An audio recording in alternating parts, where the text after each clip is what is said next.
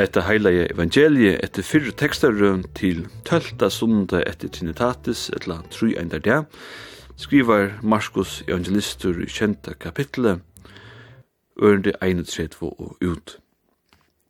Og Jesus får av steatur ur bygdaløvnen vid Tyrus og ferreist tjøknun Sidon til vatni i Galileo, mitt i tjøknun bygdaløvnen i Decapolis.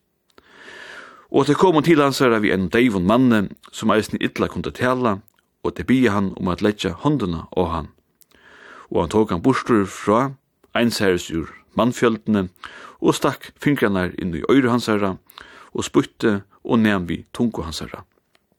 Og han leit opp til himmels, og suffaie og sier vi han, effata, te er åpna te. Og øyre hans herra åpna vust, og vita sema, løsna i tunkoban hans herre, og han tala i reie. Og han aleit heimun ikkje a sia nøkron fra, men tess meira han alei heimun ta, tess meira boa dei fra. Og te var heilt offeren av bilsene og søttum, alt hever han gjørst vel, eisne deiv leter han høyra, og maleis tala.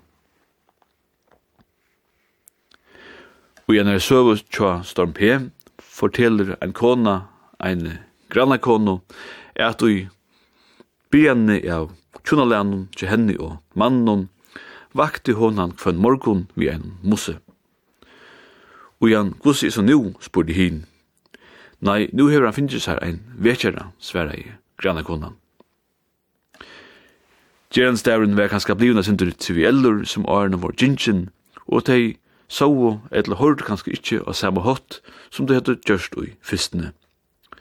Luive var vår ein sjálfylgja.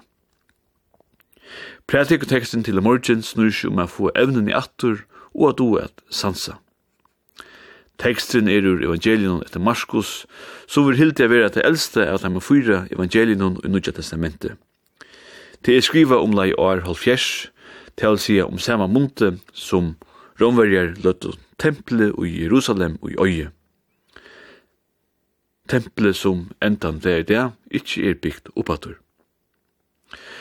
Fyre parster av Markusar evangelinum gonga fyrir sig i Galileo, og Markus grei fra er at Jesus gjerst ein veldomtur personur, då han letje folk og hever eina fri lintare fætan av jødiske lovene enn jødiske myndelegane høttu.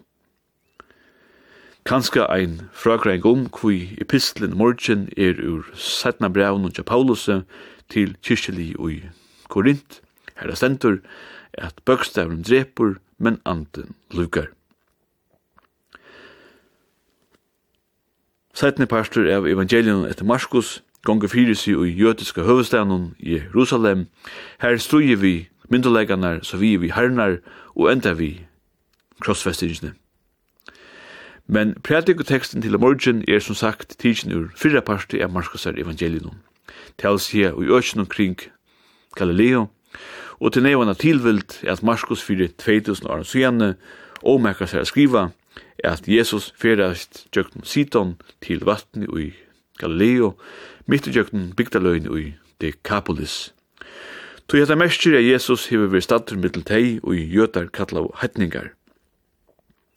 Enn vær til åndsje som er at kristendomur, og tu var talan om folk som ikkje var jötar, folk og ikkje var av samme opprona som Jesus sjálfur.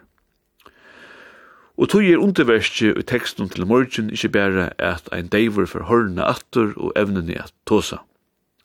Men underverskje er eisne at heitningren hefur finnje møvleikan at sleppa borsur ur sin erbyrging og at sleppa at samskifta.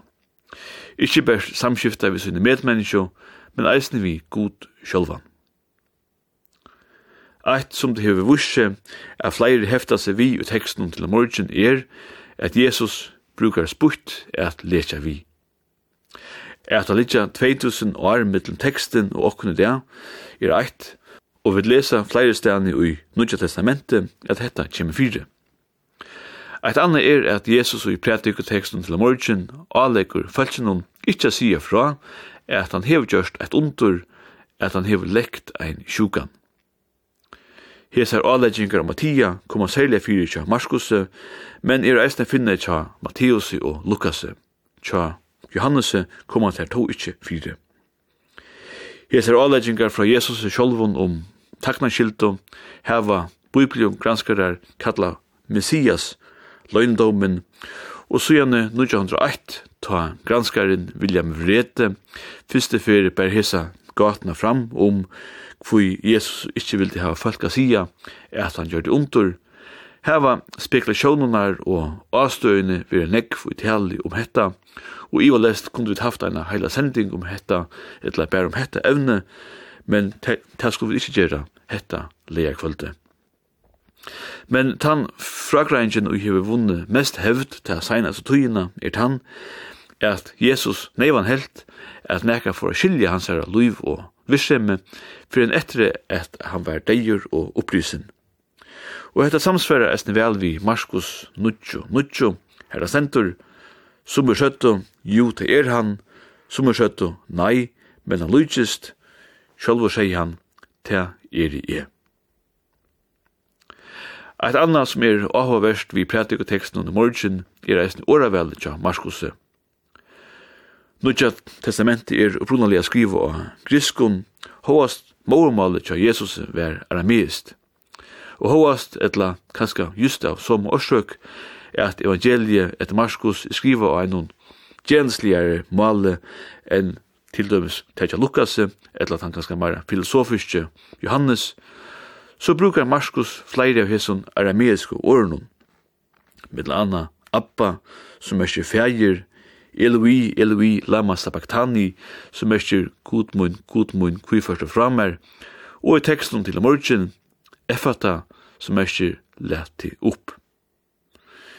Grunden til at Marskos veler brukar hetta arameiska året er kanska tan store dentrin han legger av til. Tu som sagt, Jesus gjever heitningen om mølegan av høyre attur, han gjever hun mølegan av blua parster av fellesskapen attur og til munnu, til vita, som ante heva mist hørnuna eller errar, førleikar, er vit kanskje ikkje alltid gode etter hesson, fyrir vi heva mist det. Det er ganske som einar errar søvu tja Storm P, hesa fyrir og tvei, landastråk og sot og en bonche. Så leter du i ørentharra, hygg, nu ryser solen, og hinsverar eton tøymer. Tu luivi er ikkje nekko sjálfylgja, men et undur vi ganske ikkje alltid gjev okkon fær om. Russiske høvendren Dostojevski hev lust hesa kjenslina at varnast hva luivi er verst. I 1884 var han sett i fangsel, då hadde funnest et særnum Dostoyevsky vant det å frukjentur, men år etter i 1824 var han saman med flere øren og fengon, leiter og dom, til han skulle tekast av døvun. Det er domen var lysen opp, der var latten i lykkjørster og kyster ene parst, var kordar iver til terra, og der første var bundner til en pela, klarer å skottner. 30 Kuldastiv var utanfyrre, og her stod her søgjene i enn her med nutter og boja etter at det skulle tekast av døvun. Ta hildi sjående at nu var tarra tøymi komin, men ta kom og brottliga bo fra Sarnon.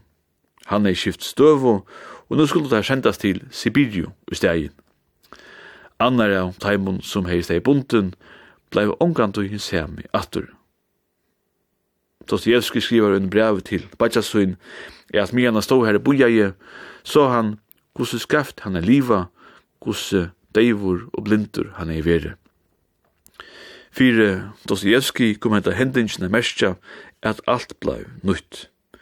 At Luivi ikkje er en sjålfylgja, men at hans er eio og øyro og sanser annars voru latner opp av nudjum.